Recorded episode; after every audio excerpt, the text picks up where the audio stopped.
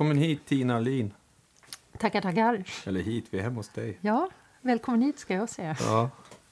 Vi sitter i ditt rum, jättefint här med ett piano, massa instrument, massa fina munspel, en orgel, sen har du lite keyboard, lite Rhodes, skrivmaskin.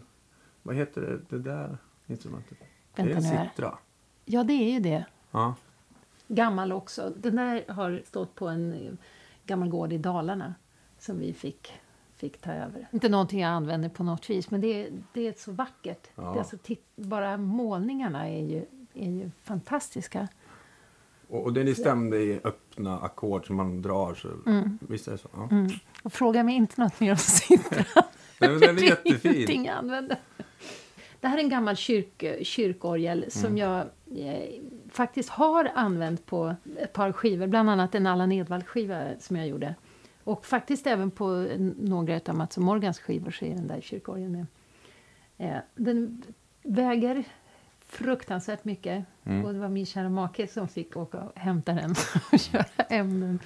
Ehm, Just nu använder inte jag den mer än faktiskt som en, en pjäs.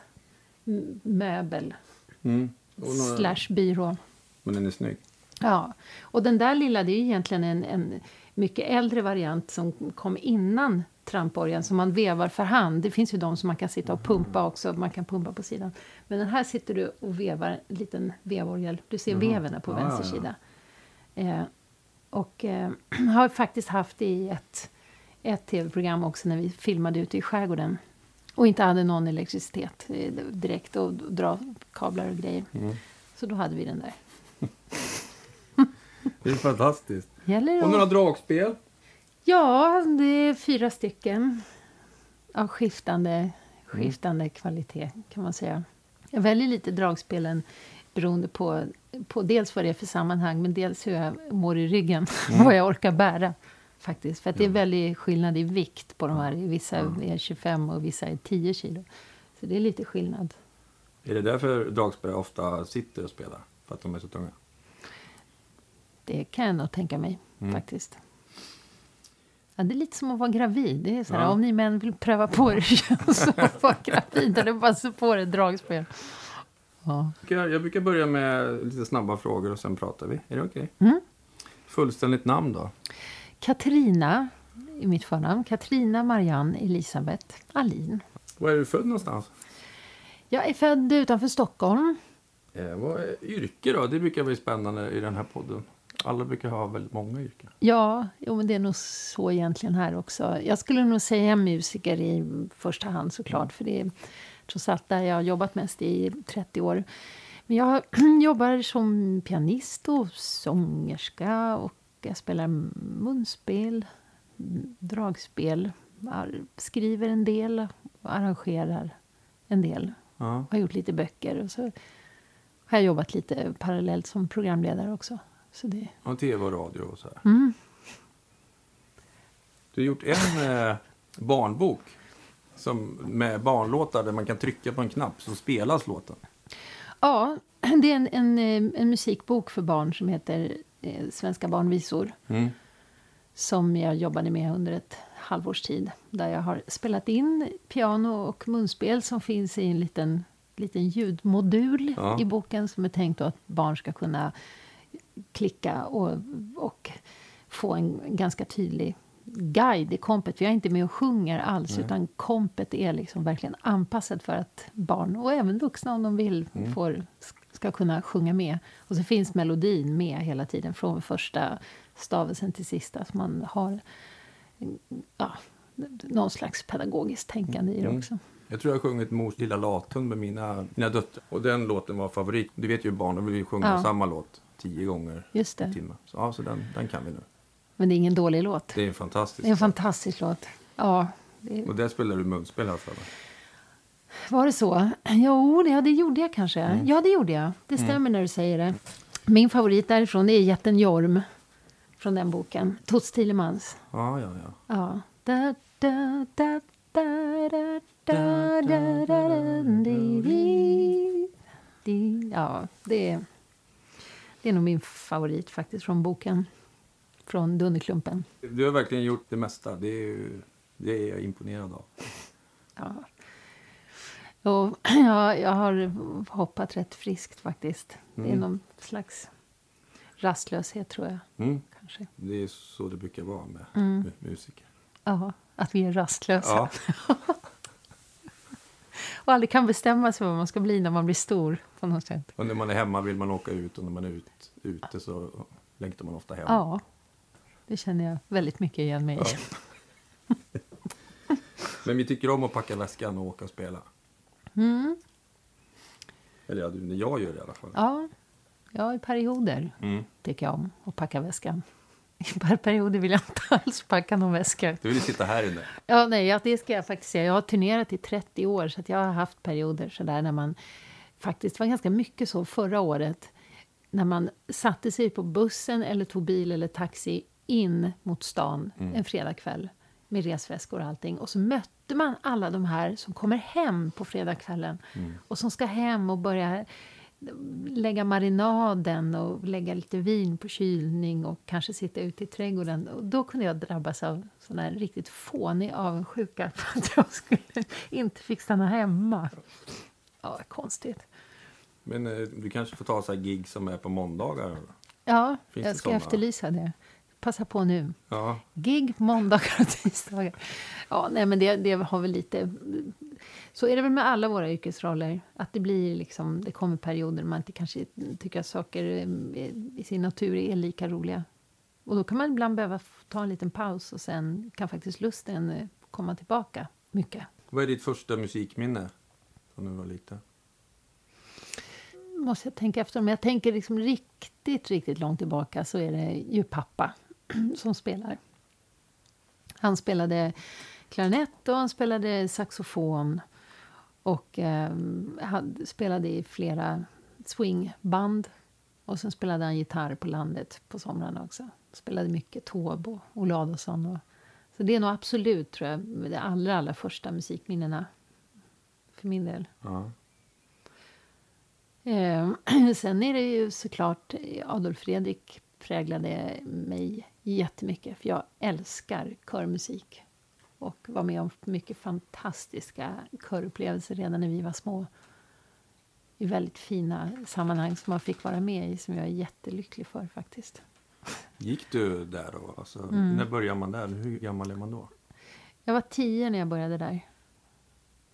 Och jag älskade vartenda ögonblick av det. Det var fantastiska körupplevelser.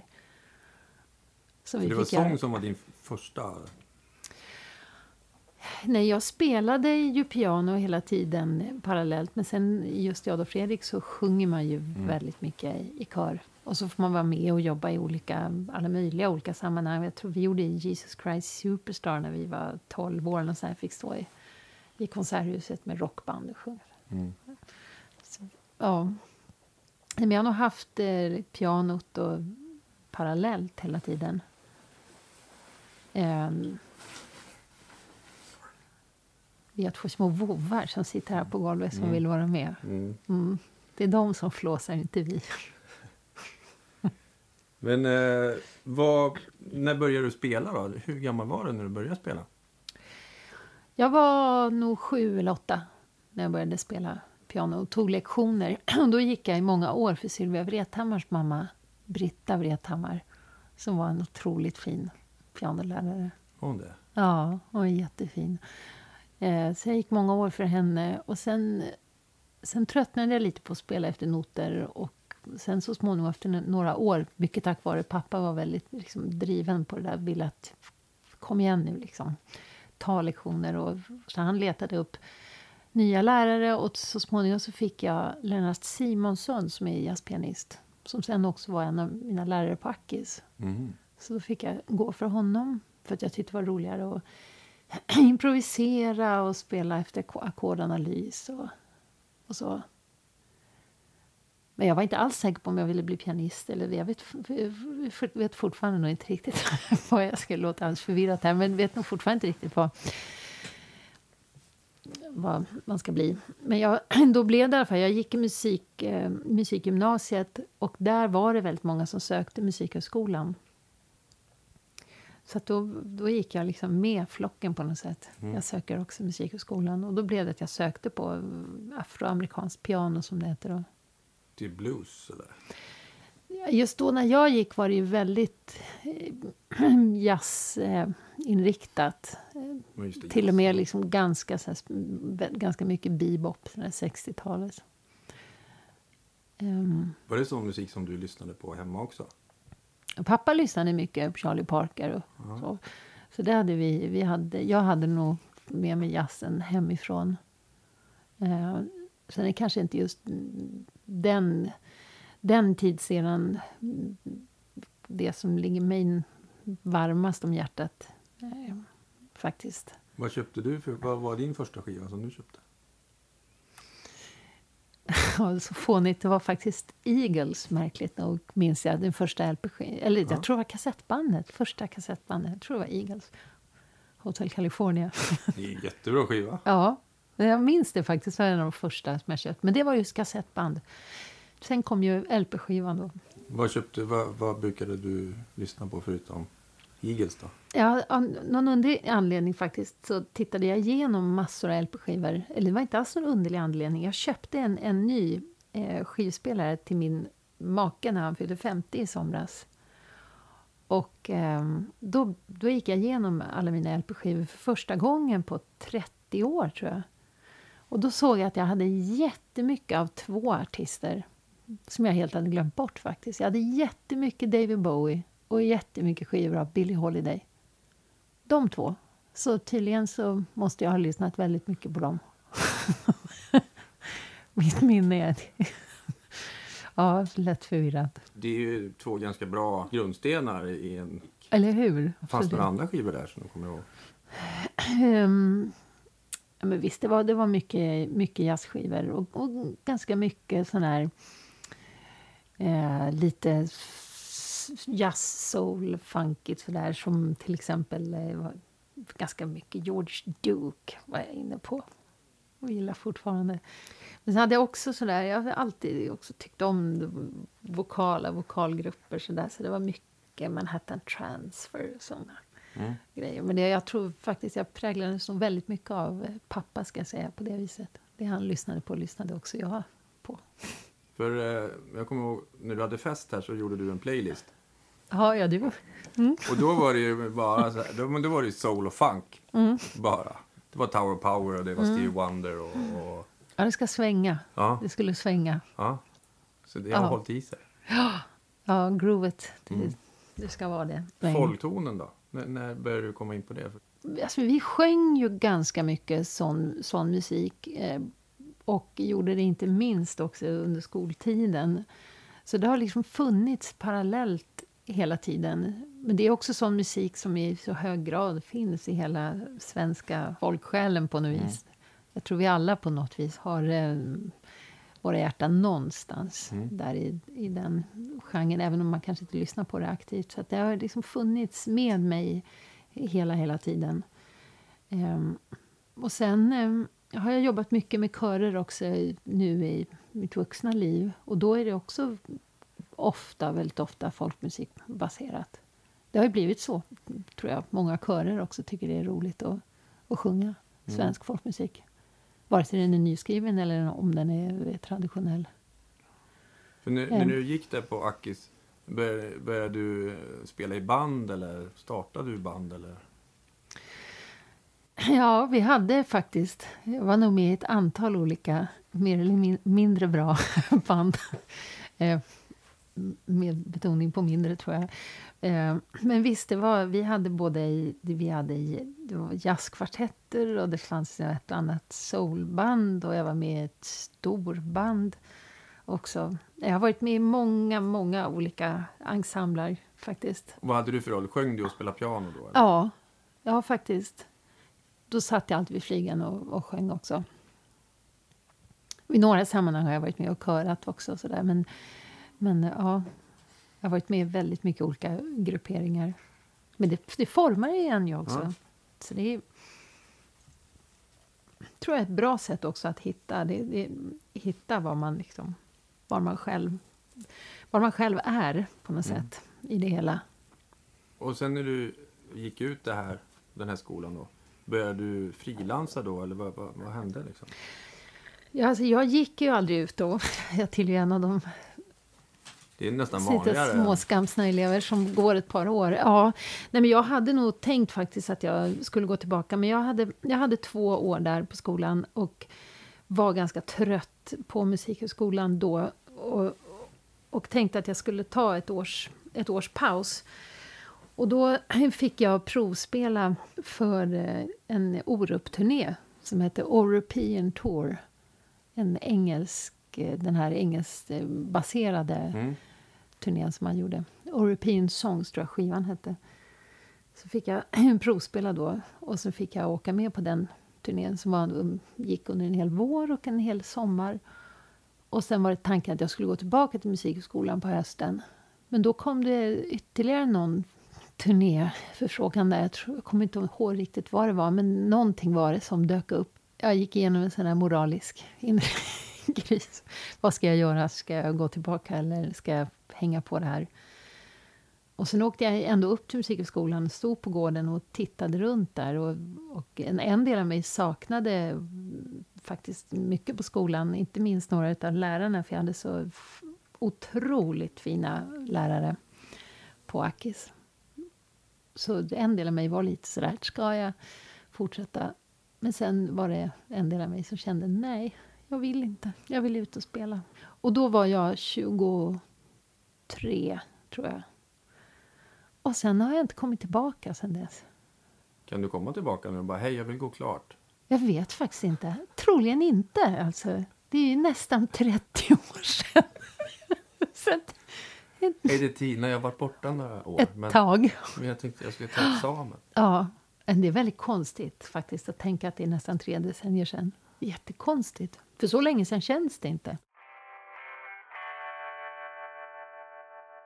Vad gjorde du efter eh, den här turnén som du inte riktigt kommer ihåg vilken det var? Vad hände sen? Jag måste tänka efter här, för jag åkte och spelade i flera år där och åkte turnéer då. För då hade jag ju vid det här laget då köpt på mig en liten keyboardrigg och hade ju ett rack med moduler. Och så jag hade hela den här uppsättningen. Och då var vi ju ofta ett ganska stort gäng av musiker som oftast åkte i nästan...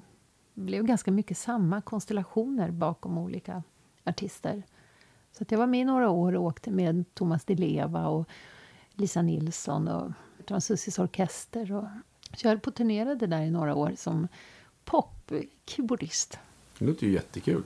Mm. Var det folkparker och sånt då man åkte runt? Eller? Ja, när vi åkte med, med Orup, den turnén då, det var European Tour där även Titivo och Kayo var med som gästartister. Det var ju en stor turné där vi åkte och besökte i stort sett varenda folkpark i hela Sverige. För då fanns det verkligen mycket folkparker. Junsele folkpark och Åsele folkpark och Sorsele folkpark. Så det var en lång, lång turné där vi åkte och spelade över hela landet. Och med Lisa Nilsson då åkte vi runt i Norden, så då var vi i Norge och, och Danmark och Finland också.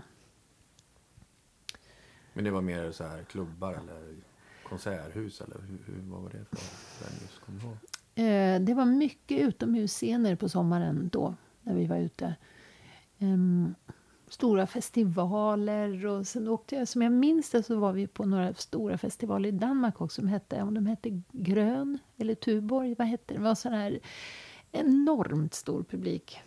Jag vet inte vad det kan ha varit, men du vet sån här publik som är kanske 50-60 000. Stora, stora festivaler. Så det var lite annorlunda att vara på. Ja. Mm. Vad var det andra som var med i det här bandet? På Lisa-turnén just. Ja, eller de ja. Här, du sa att ni var ett gäng. Ja, ja precis. Det var Per Lindvall på trummor, Lars Danielsson på bas och Henrik Jansson på gitarr. Och, ja, David Wilczewski, fina David, var med också flera av turnéerna. Ganska så under tio år att, att man lärde känna väldigt många musiker på det här viset. Så till slut hamnade vi i sammanhang där man oftast på något vis hade spelat tillsammans någon mm. gång tidigare. Så det var ett nätverk så då kunde de ringa, behöver keyboard, ja men Tina, vi tar, hon är bra. Mm. Ja, men jag tror att man, att man också kunde vicka för varandra och Mm. sådär. Nu, kommer det ju, nu, nu har det ju kommit en helt, helt ny generation av musiker, vilket är naturligt, vilket Mm. det ska göra också. Jag tror att det är ganska lik, liknande där Mm. också. Att man är är ett det nätverk till slut där många, där många känner varandra. Och, Ja, så är det ju. Det brukar vara ungefär samma människor man ser på tv som sitter där och spelar, Mm. tutar. Sen så började du så här, tv och vara lite mer alltså, egen artist. När hände det? Alltså jag har egentligen inte haft någon strävan någonsin efter att göra egna saker. Jag är en, jag är en utpräglad ensemblemänniska. Jag älskar att jobba i grupp med folk. Så jag har aldrig haft någon riktig längtan efter att just att i alla fall inte att stå längst fram. Däremot tycker jag att det är roligt att skapa själv och göra, göra egna idéer och genomföra dem och så.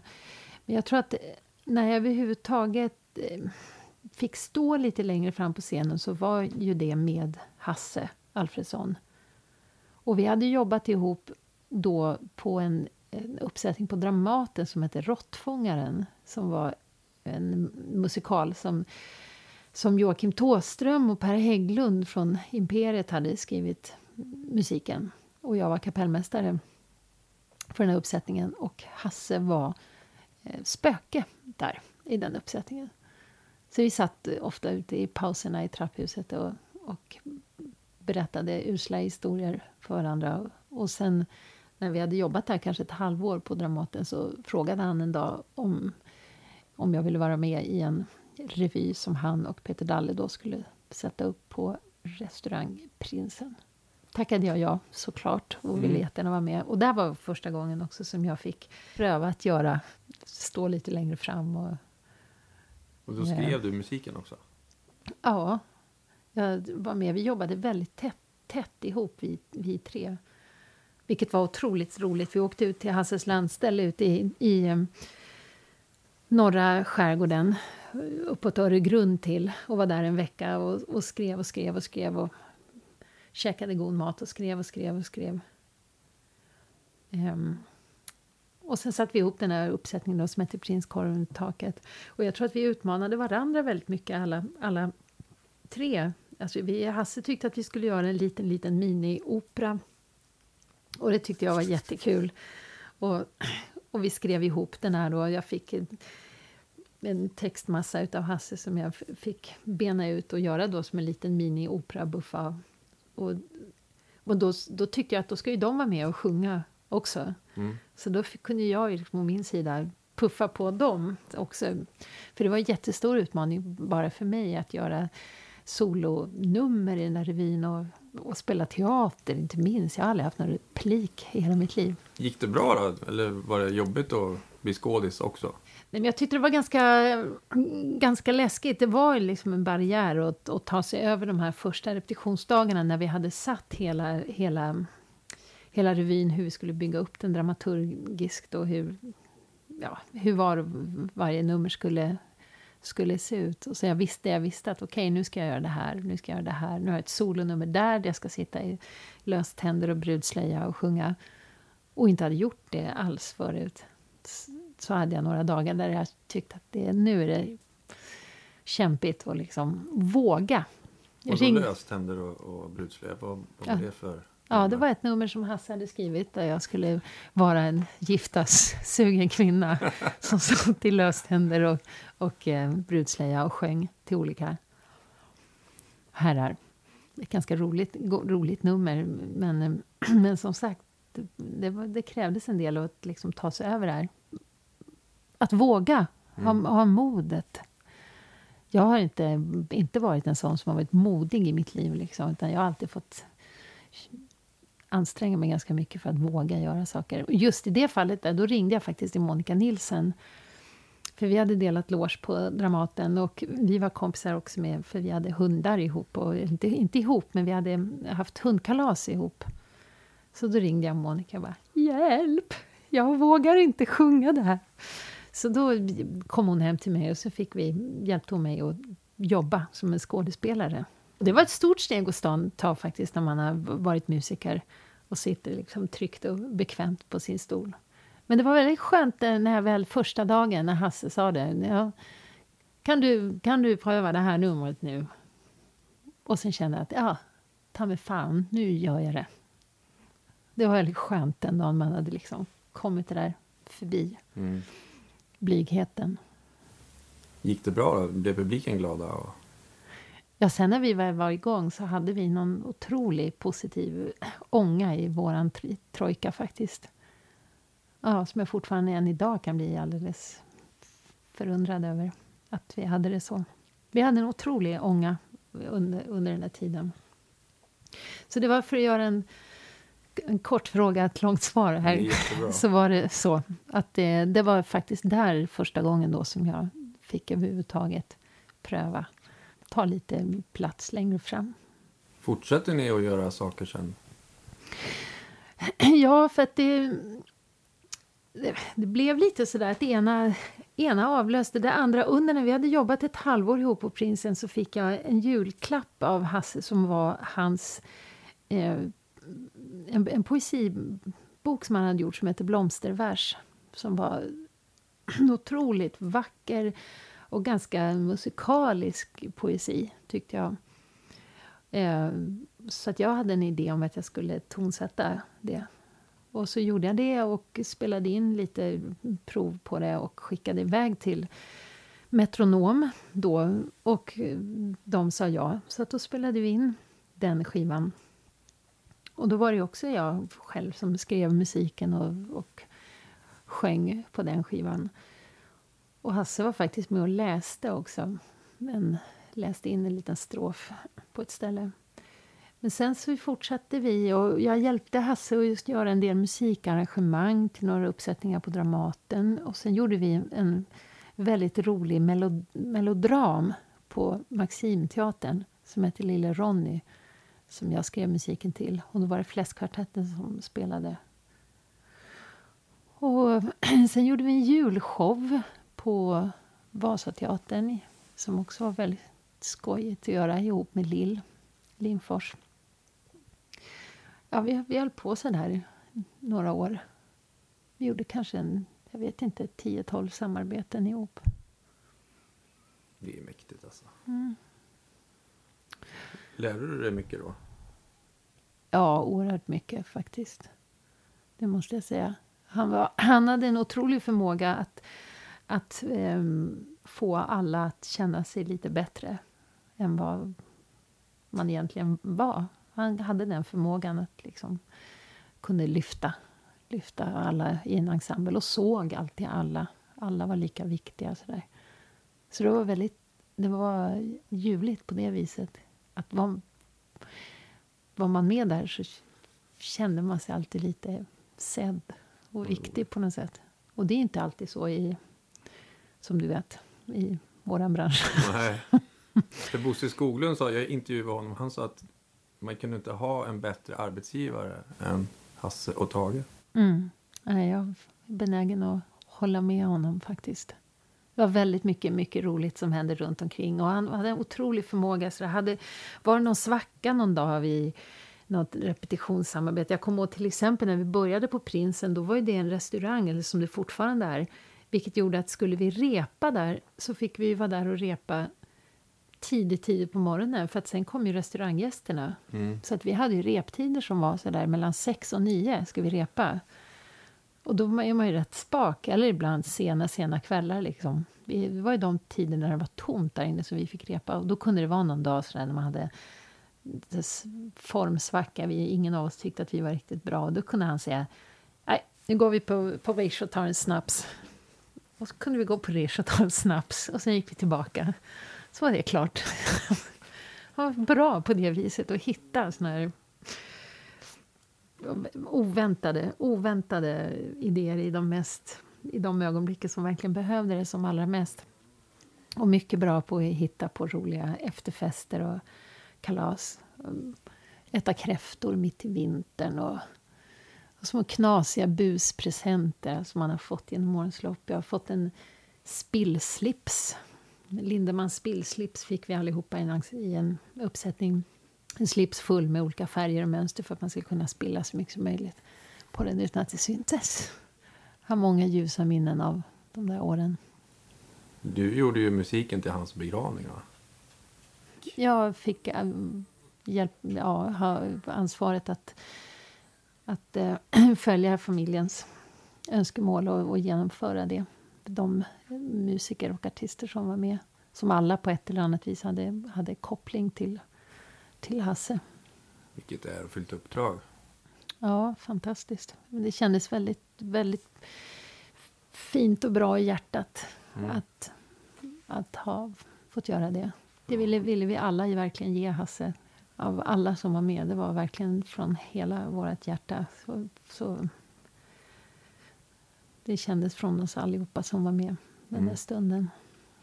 Vi har mycket att tacka honom för. När började du dyka upp på tv? Så här, man, man, såg det mycket så här. Du hade eh, tv-program, du satt i trädgården med massa gäster och det var mm. Och du, du, var med i... Ja, men, var det Så ska det låta du var med? Ja, men det är också sådana där rena tillfälligheter. Det är egentligen inget jag liksom aktivt så har, har sökt mig till. Men det var ju som så att precis när jag hade fått fött våran son, så han var inte gammal alls, så skulle de ju spela in Så ska det låta. Och då stod ju de på SVT med bokad studio och 40 artister i, i kulissen som väntade, och orkester och hela produktionen bokad. Och sen blev Robert sjuk. Så det var ju med några dagars varsel bara. Det var, tror jag, två, som jag minns det, två eller tre dagars varsel. Kan du hoppa in? Det här är de 40 låtarna? ja, 40 artister. Jag tror att det var 12, 12 program eller något sånt vi spelade in under en intensiv period. Då. Eh, så då, då var jag där och sen så blev det lite sådär att det ena igen.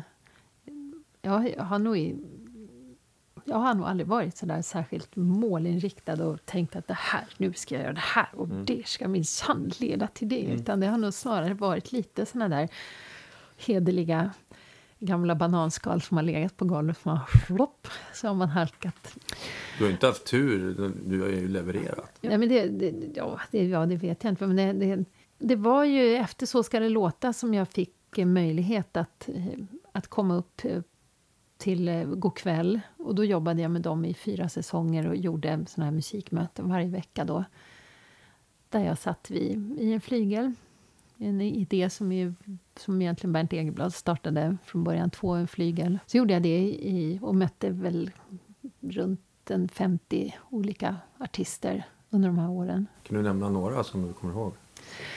Ja, det var en ljuvligt salig blandning av... Eh, dels så var det många etablerade mm, musiker och artister som jag kände innan, som jag hade jobbat med. Robert Broberg hade jag jobbat mycket med. Och, eh, så han var med, och eh, Lill Lindfors, Thomas Di Leva, Louise Hofsten. Men sen tyckte jag det var roligt att och också fråga människor som, som kanske inte hade musiken som profession men som ändå hade det som en stor hobby. Så till exempel var Jarl Alfredius med och sjöng. Och eh, Alf Svensson bjöd jag in, som spelade saxofon. Så jag tyckte det var väldigt kul faktiskt att, att ha hela den här bredden och kunna bjuda in också nyhetsuppläsare eller politiker. Och sen även försökte jag hålla det så brett som möjligt genremässigt. Så det var allt ifrån Salem Al Fakir till eh, Ale Möller under de där åren. Och sen blev det lite andra eh, tv-sammanhang efter Go'kväll. Så vi gjorde en säsong med ett sommarprogram som hette Hemma hos där vi åkte hem till artister istället då och eh, spelade i antingen i deras trädgårdar eller som vi besökte Kalle Moreus. Då var vi på en fäbod som heter Gruneberg som ligger ett par mil utanför Orsa. Så, vi, så jag har suttit i väldigt mycket konstiga miljöer och spelat. Och fina miljöer. Och sen hade du något när du var i skärgården. Du satt med lite folk och ni la in sill och spelade dragspel. Och... Ja, jag fick vara programledare för SVTs högtider under, under lite olika perioder. Så att vi gjorde midsommar i några år. Tre, fyra gånger var jag väl med och gjorde de här midsommarprogrammen som sänds på midsommarafton. Så då har vi varit i Astrid Lindgrens barndomshem och ute i Roslagen. Och sen har vi varit här i Stockholms skärgård och vi var på Marstrand på västkusten. Och då har ju då filmteamet hittat såna här otroligt fina fina miljöer. Och sist nu var vi eh, ute på Klädesholmen på västkusten med havet utanför. En iskall inspelning, men inte desto mindre trevlig. Spelar ni in det typ i april då för att det ska hinna klippas? Eller? Nej, då, det spelar man in egentligen bara några veckor före. Men det vi hade oturen den sista gången vi spelade in att det var väldigt, väldigt kallt kan jag säga. Det var, jag tror det var åtta grader eller något sånt Fick ni låtsas? Åh, vad mysigt med sommar? Och... Ja, nej, vi fick bryta några gånger för att vi kunde inte spela, vare sig jag eller gitarristen. Det var, fingrarna var liksom frozen. det, var, det gick inte att böja åt något håll. Så att där fick vi faktiskt avbryta och gå in och stå vid värmefläktar. Det var, det var kallt. Jag har för mig att eh, du och Stefan Sundström gjorde lite era. Ja, han var nog med när vi spelade in. Stefan var med när vi spelade in i Marstrand. Som också var en händelserik inspelning. Som, som drog ut länge på tiden för att vi hade någon, mast, någon stor den stora, stora tjocka kabeln. Jag pratar göteborgska också. Vad heter nu den här? Ja, Multin. Multin heter ja. den. Ja, du ser. Eftermiddagströttar. Den pajade. Så att jag vet att det var en, en lång dag. Um, och vi tog oss några snapsar faktiskt och stod där på bordet. Fast vi inte fick. Men jag tror vi höll på och filmade till elva på kvällen där. Och så fick vi ljussätta väldigt, väldigt mycket för att för att det fortfarande skulle se ut som solnedgång fast det var i stort sett helt mörkt nästan. Mm. Kul! ja. Tänk vad du har varit med om verkligen. Mycket konstigheter. Ja. Det mesta har faktiskt eh, det mesta har varit roligt och givande på alla sätt och vis tycker jag. Men eh, när började du spela munspel? För du är ju världsklass på... Nej, det är jag verkligen inte. Jo, det finns... Utan då pratar jag så här flerradigt, så man har en knapp så man kan byta. Det är kromatiskt munspel det, eh, kromatiskt jag spelar. Ja. Mm. Men det är inte flera rader, det, det finns ju sådana munspel också. Men det här mm. jag har är jag har en rad av mm. små hål. Men däremot är det kromatiskt, så att det går att spela alla tonarter på det. Mm. Alla toner. Mm. Jag började spela det på... Jag önskade mig faktiskt ett munspel eh, när jag var i 20-årsåldern för att jag hade lyssnat så mycket på Stevie Wonder. Det var nog Stevie som fick att jag, jag vill ha ett munspel. Men jag tror att det tog nog tio år faktiskt innan jag spelade, vågade spela det på scen. Och det var faktiskt med Thomas Di Leva som jag spelade första gången på scenen. Och då var jag nog mm, närmare 30. Så det tog nog tio år innan jag kände att äsch, jag prövar nu det är ett ljuvligt instrument för att det ligger ju så nära rösten, mm. munspelet. Så där kan man ju ibland bränna av toner som man hör och som man känner nästan... Att man, de, de känns nästan sångliga på något sätt. De ligger, det ligger nära rösten för att mm. man organiskt så blåser man ju ut tonen. Det, det, är inte riktigt samma sak med ett, med ett piano eller ett dragspel. Att man känner åh, där kommer den där tonen! på samma vis som när man blåser den och den känns som att den sitter i ens egen kropp. På något sätt. Så det på det viset är det, är det ljuvligt med munspelet. För att det, man kan ta de toner som man in, in, absolut inte kan sjunga. I alla fall inte jag som har världens minsta omfång. Det är en oktav, sen är det stopp åt båda hållen. Det är så fint du spelar. Och dragspel är det någonting som man... Om man kan piano, kan man dragspel eller har du Ja, det är klart. Jag har, med det också? Ja, alltså jag har ju pianodragspel. Så det och, och klaviaturen är uppbyggd mm. på samma vis. Mm. Sen är det väl lite... Det är klart att det är annorlunda rent fysiskt av att man måste dra. Mm. Dra hela tiden mm. när man spelar och att man får försöka tänka frasmässigt på ett annat vis. För att kunna få ton så måste du dra ut eller trycka mm. in. Så det, det är klart, det, det, tar väl sin lilla tid innan man får något flöde i det. Men pappa tyckte att jag skulle gå och ta dragspelslektioner också, vilket jag faktiskt gjorde under några år när jag var liten. Fast jag skämdes otroligt mycket för det. För alla ungarna i kvarteret så tyckte jag det var väldigt pinsamt att, att åka iväg med den här symaskinslådan. Men jag hade en jättegullig... Jag har haft turen att ha haft mycket gulliga lärare och det var en en lärare som hette Gillis Gillis Hag som jag fick spela dragspel för. Så jag har fortfarande såna här bilder från när jag sitter och spelar i någon liten ungdomsorkester när jag är tio år på Skansen och sitter med så här huckle och spelar dragspel. Mm. Det är jättefint. Mm. Mm. Men det är sommar och Sverige, alltså det är dragspel för mig alltså.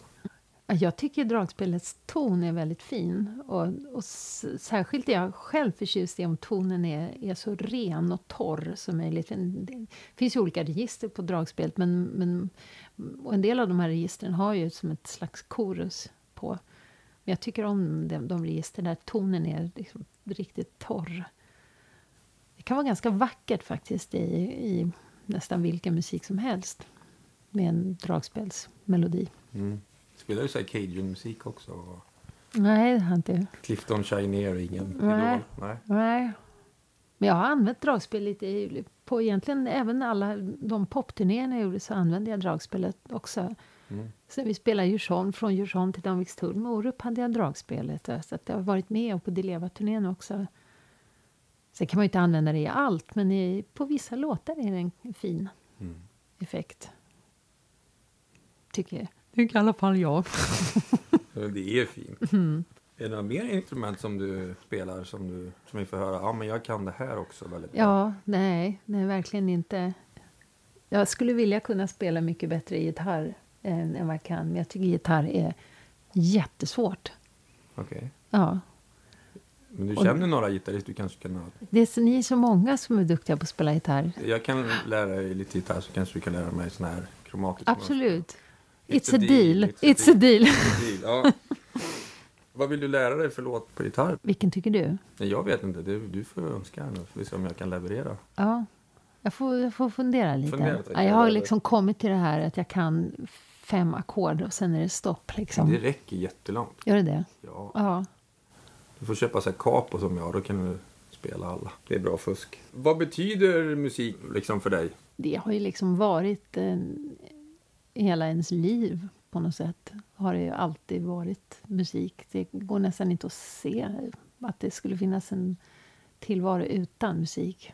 Det, den är en så stor del av hela ens själ, hela ens system. Och inte, inte bara liksom professionellt, utan även, tycker jag... Man, musik är i ens liv från det att man vaknar till liksom sitt Kör jag bil så lyssnar man på musik. Är man ledsen lyssnar man på musik. Är man glad lyssnar man på musik. Går man i skogen lyssnar man på musik. Så det är ju så otroligt. Men så är det väl för, de, för många av oss, mm. antar jag. Så det skulle gå nästan inte ens att föreställa sig en tillvaro utan musik. Um, och jag är väldigt glad faktiskt att jag har kunnat, att man har fått kunna ha musiken, att man har den kanalen. Mm i alla situationer i livet. Jag vet att min pappa gick bort till exempel och jag mm, gick igenom hela den sorgeperioden. Och, och, när jag då väl hade bestämt mig för att jag skulle skriva ett stycke till hans, till hans begravning så var det en kanal på något sätt där man kunde liksom kanalisera massa sorg och mm. liksom placera det i, i toner igen. Som, som verkligen var läkande faktiskt. Så musiken är ju, den är ju verkligen unik och närmast gudomlig faktiskt. Så det är svårt att föreställa sig överhuvudtaget. Jag, jag tror inte att jag skulle kunna sluta med, med musik. För vi går ju inte i pension på det viset att nu nu är det 65, vad skönt, nu ska jag leva livet. Ja, men det har jag också tänkt på. Där, där jag, det finns det, jag möter människor lite titt som tätt som just är kluvna för pensionen. Att man ska få lämna ett yrke, en yrkesroll man har haft. Så att man ska mm. gå in i någonting nytt. Som inte vi kanske kommer uppleva på samma vis. Sen kan jag självklart realistiskt tänka mig att jag kanske inte kommer att spela lika mycket eller lika ofta ju äldre man blir. Av många skäl liksom. Mm. Eh, men att vi kommer ändå alltid att kunna fortsätta att spela mm. oavsett. Och det är, det är, det ganska ljust faktiskt att kunna tänka det. Och det är, nu är jag, de musiker som jag jobbar mycket med nu, som Orsa Spelmän till exempel, där är det ju väldigt ofta jam, långt efter konserter. så kan vi sitta och jamma. Ja, i många timmar. Vi, satt, vi gjorde nu, vi var i Vara till exempel och spelade två julkonserter nu. Och bodde på ett otroligt mysigt ställe ute på lands, landsbygden. Det var en gammal herrgård som hade anor många hundra år tillbaka i tiden där vi fick husera över två nätter. Det var bara vi som bodde där. Ja, men då, då spelar vi. På kvällen. V- vad kör ni då? Är det så här, kan vara vad som helst. någon börjar och så hänger några de andra på? Eller? Ja. Det kan vara faktiskt vara nästan vad som helst. Det är klart att det är ju nästan alltid någon, någon slags folkmusik vi spelar. Men, men i alla fall den här, det jag ville åt var just den här glädjen av att lira, helt enkelt. Den finns, den finns liksom hela tiden. Mm. Men det är svårt faktiskt att se en tillvaro utan musik. Kan du det? Nej. Sen finns det, jag kan absolut medge att det finns ju delar av musikbranschen, hur den är utformad och hur tankegångarna går. Om man vill, du vet, om man vill starta upp nya idéer och nya projekt, att det är ganska... ah, Det är, Man får kavla upp ärmarna ganska många gånger om och så åker de ner så kavla upp igen. Och sådär. Så visst, visst finns det delar som kan vara påfrestande men, men det är ändå värt det, Mm. faktiskt.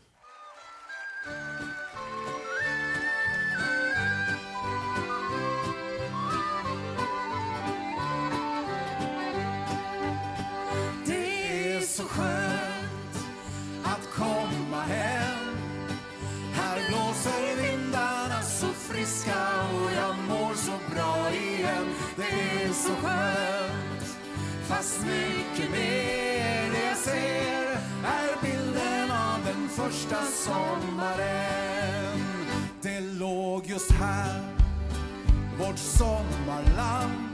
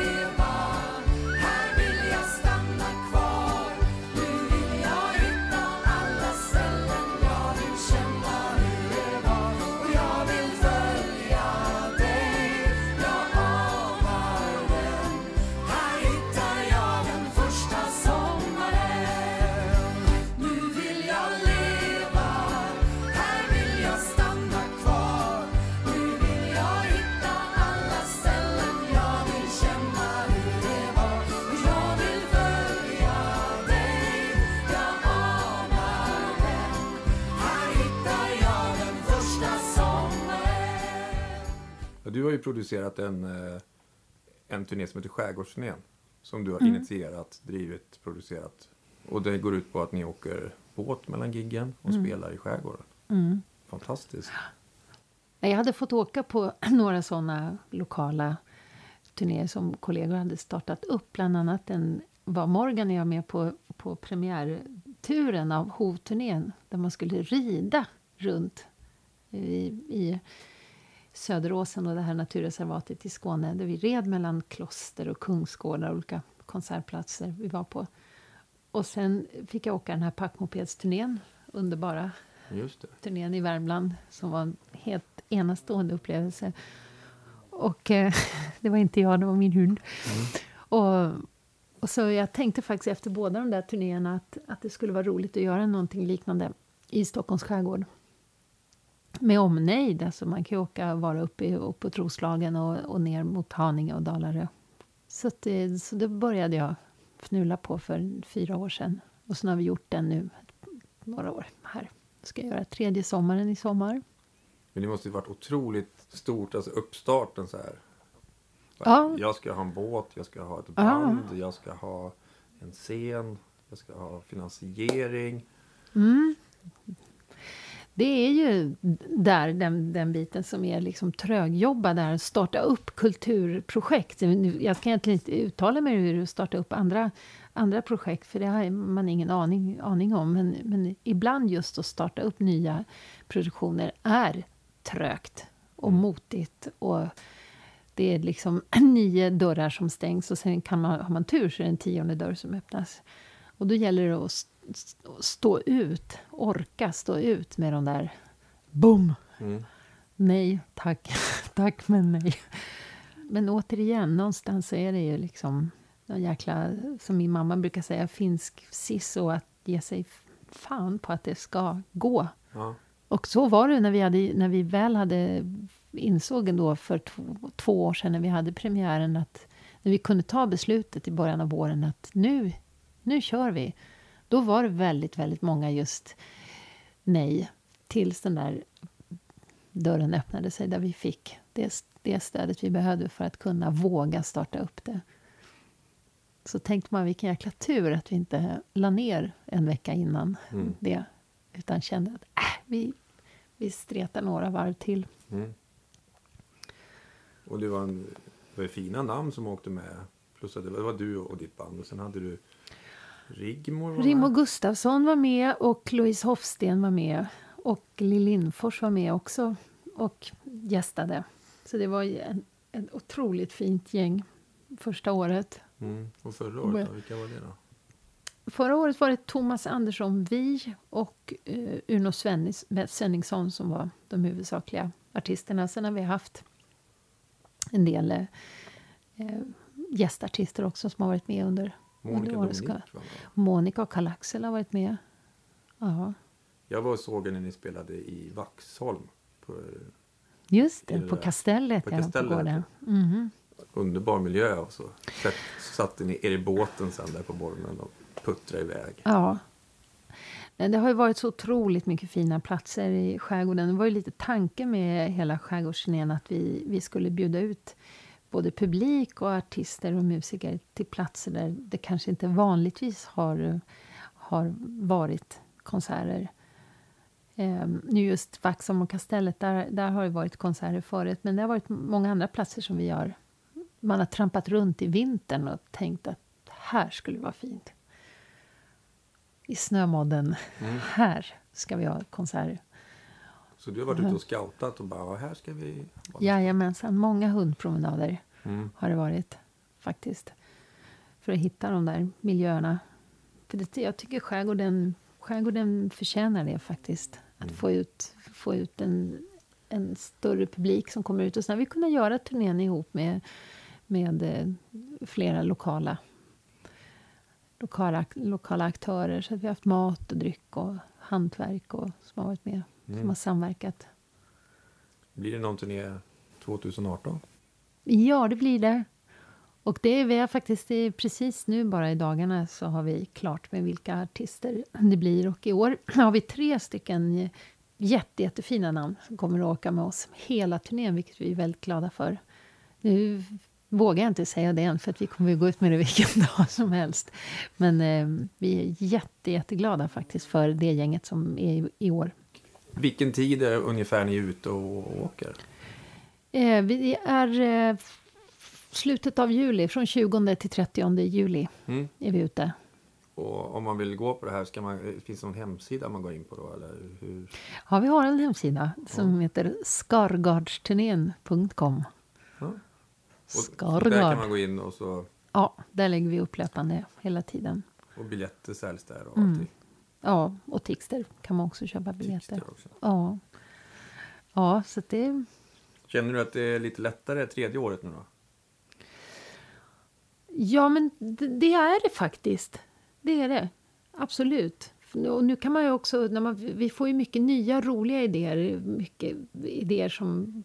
Det kommer ju nytt för varje år. Och nu, nu i år har vi fått ett samarbete med Briggen, Tre Kronor.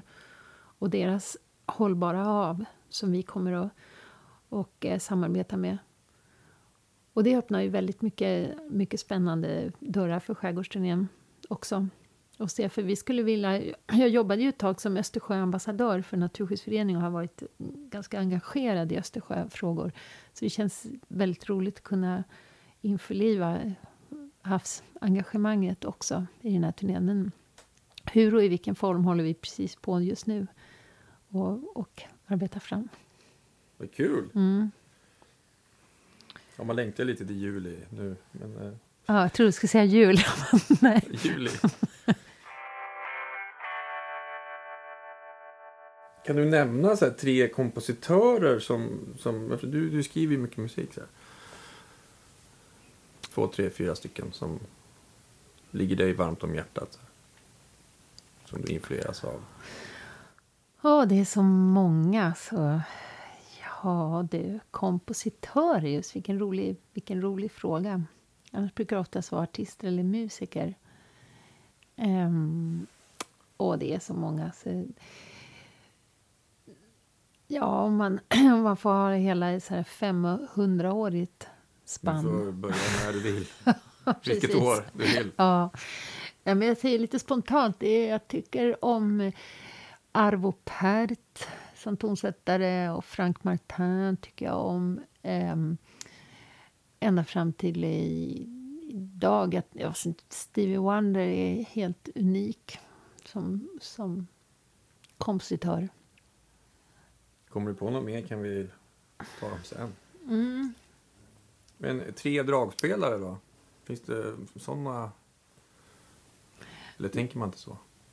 Nej, men nog snarare kanske munspelare faktiskt. Mm. Tots, Tots och Stevie Wonder. Philip Gers också jätte, jättefin. Det finns mycket fina munspelare och jag, jag känner mig faktiskt riktigt som en eh, glad amatör i, i jämförelse. Jag använt, använder ju munspelet mycket ehm, och så, men jag skulle nog ändå inte liksom ge mig ut och fullskaligt kalla mig munspelare. Konserthusturné och du bara spelar och pratar. Drar lite gamla stories. Nej, Det tror jag ja. folk skulle köpa. Ja. Nej, det självförtroendet har jag inte riktigt än. Jag fick frågan för flera år sedan att spela en, en, en duett i ett sammanhang med Toots Thielemans. Men då, då gick jag igenom en inre kris i två dygn hemma och sen ringde jag tillbaka och tackade nej för jag, vå, Va? jag vågade inte. Ja, jag kände faktiskt det att jag ska, kommer jag tacka ja till det här så kommer jag vara så skräckslagen. Jag har sån handsvett så att det, jag kommer tappa munspelet. Handbollslim. Och det hade varit något. ja. Men tänk ändå bara gjort det. Ja, ja, jo då. Jo, absolut. Ja, men det finns andra saker man har vågat som man Mm. kände att man inte ja, ju vågade. med Hasse Alfredson. Så att, eh, annat. Allt vågar man inte här i livet. Nej. Men om de Ja. skulle ringa nu och fråga, ja men Stevie kommer till stan, han skulle vilja lira pyttemunspel med dig. Nej, jag tror inte jag skulle våga det heller. Min make blir galen på mig. Men jag köper handbollsklister då. Mm. Och så kör vi in dig. kan vi få göra. Han skulle bli jätteglad. Du är grym. Handbollsklister och blocklås. Ja. Mm.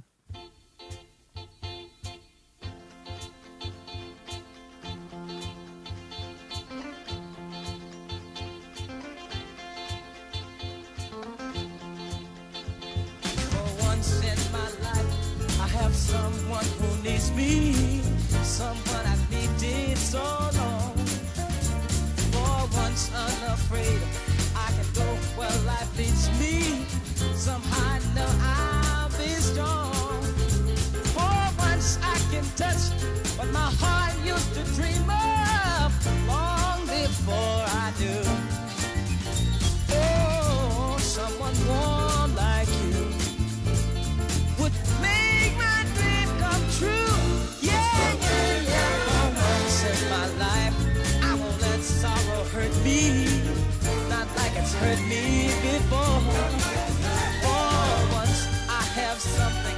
know won't desert me.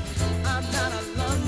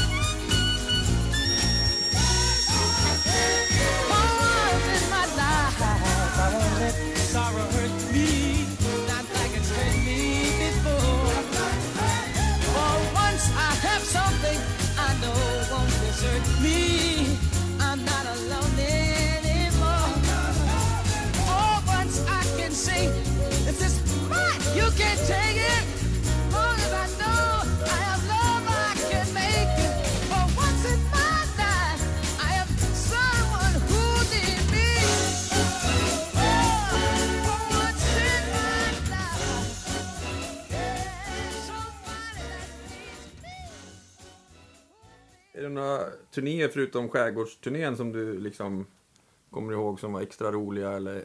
Alltså alla turnéer vi har gjort nu med Orsa Spel, men vi har turnerat i de senaste fem åren nu och gjort både sommarturnéer och julturnéer. Och de turnéerna, det är, det är de roligaste turnéer jag vet faktiskt, måste jag säga. Det är ju Både- landslaget i liksom... Både musikaliskt och inte minst socialt med det gänget. Det är jag har faktiskt aldrig känt så mycket att jag stortrivs. Jag längtar faktiskt tills man åker iväg nästa gång. Det gör jag med Orsingarna. Jag längtar verkligen efter dem. Det är så bra. Så. Mm. När du fyllde år så var ju några, eller en av dem var här och spelade på din fest. Mm. Med sin flickvän som Mm. spelade fiol. Var det, va? Mm. De- det var så fint så att jag, jag grät. Alltså det, och det var ju din fest och det var ju bara musiker. Och då var det ju så här. Alla som vill får sjunga någonting spela någonting. Så när de hade varit uppe då kände alla som satt vid vårt bord så här, vi går inte upp efter dem. Någon annan får ta. För det var så bra Ja. så man bara, jag tänker inte sjunga eller spela någonting efter det här. Mm. Ja, men då förstår du hur det känns när man säger nej ibland. Ja, jo, i och för sig, Ja. ja.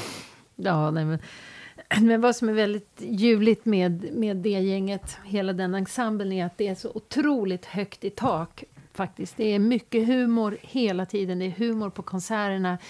Det är, är anspråkslöst på ett sätt mitt i, mitt i det anspråksfulla. För det är självklart så, så tar ju de, vi hela i ensemblen, tar, tar ju det vi gör, musiken, på allvar.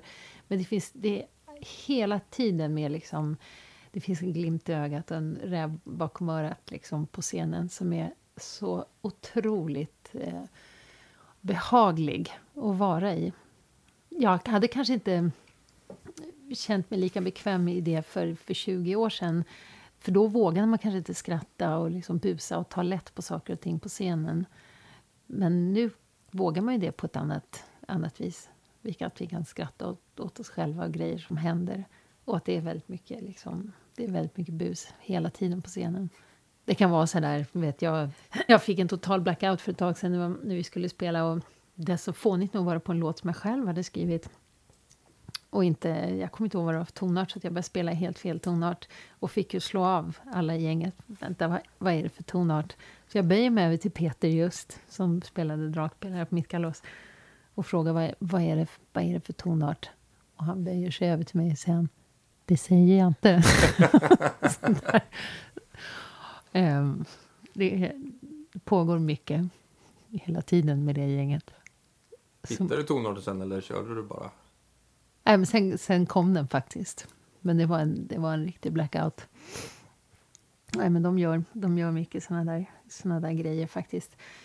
På ett, ett gig när jag satte på mig dragspelet, där, då hade någon lyft ur mitt dragspel och så hade de tejpat på gaffatejp ovanpå dragspelet och ritat pilar så här till höger, vänster. Vilket jag upptäcker på scenen. Ja, och jag som är ganska blödig om jag har lätt att börja gråta om jag hör någonting liksom, som är vackert eller som berör mig. Så där. Det var någon repetition vi hade där jag blev jätteberörd och, och tårarna rann. Och sen nästa morgon när jag kom dit var hade en av dem plockat isär mitt mixstativ.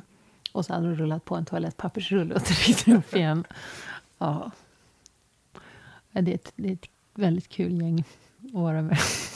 Förstår det. Mm. Du sa att när du gjorde första repet med dem så grät du. Mm, ja, det var faktiskt till och med första repetitionen med dem. Vi hade spelat ihop på Orsa Yran innan, vilket är en väldigt kul festival. För där träffas man och, och spelar. Mm. Man repar inte någonting, man träffas och spelar. Och det är flera hundra musiker som är i Orsa. Och så spelar man överallt, går runt hela stan och står och spelar i, i gathörn eller på någon restaurang och sådär. Så vi hade spelat vid något tillfälle innan, men sen skulle vi repa tillsammans på riktigt.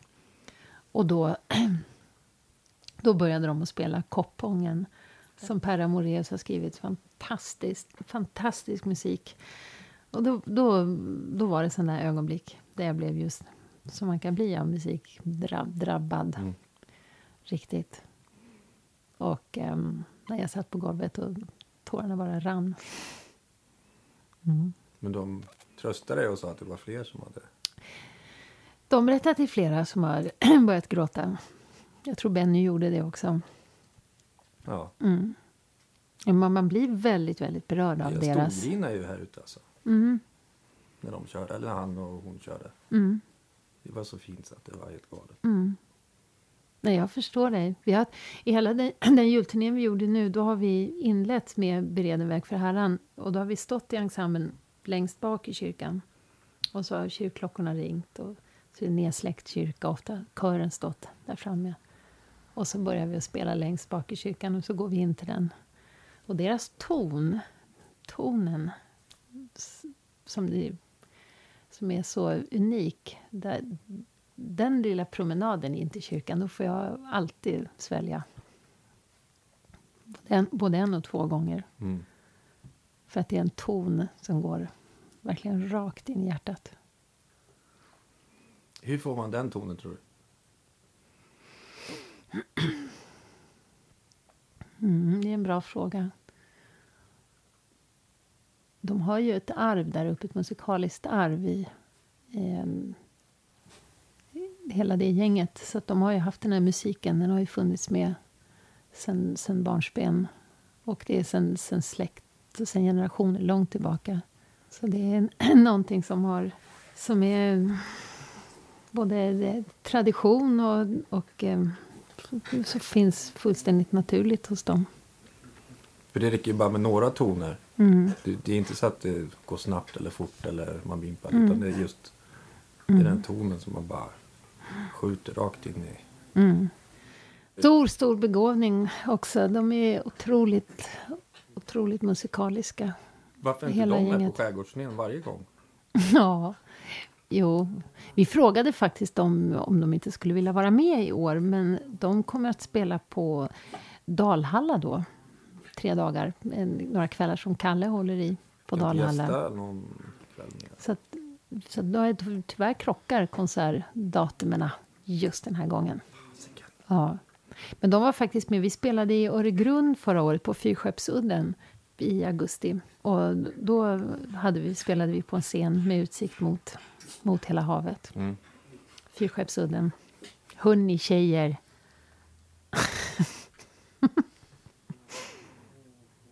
Mm.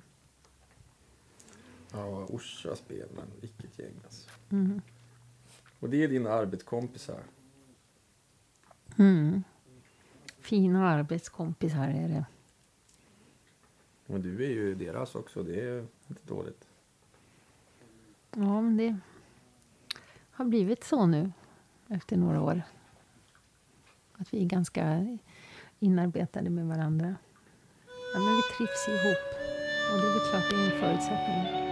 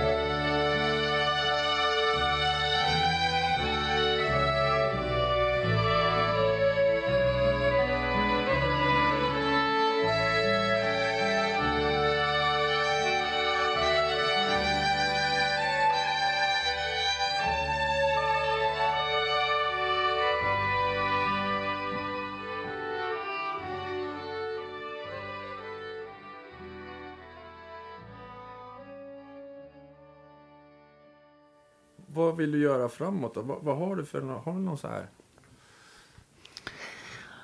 Vad du vill göra? Ja, faktiskt. Det finns flera grejer som vi har påbörjat några nya, nya idéer som vi ska försöka att genomföra nu under 2018 eller kanske troligen 2019. Eh, men det är faktiskt att eh, att utveckla, jag skulle vilja utveckla, jag ska fråga dig om jag ska nä- nämna det, men det, det vore roligt att få, få göra en uppsättning kring Schuberts musik och göra den i, i, em, i lite olika former, vilket vi håller på att fnula på just nu. Jag ska egentligen inte berätta mer om det. För det ska det vara liksom? Eh, stort konserthus och...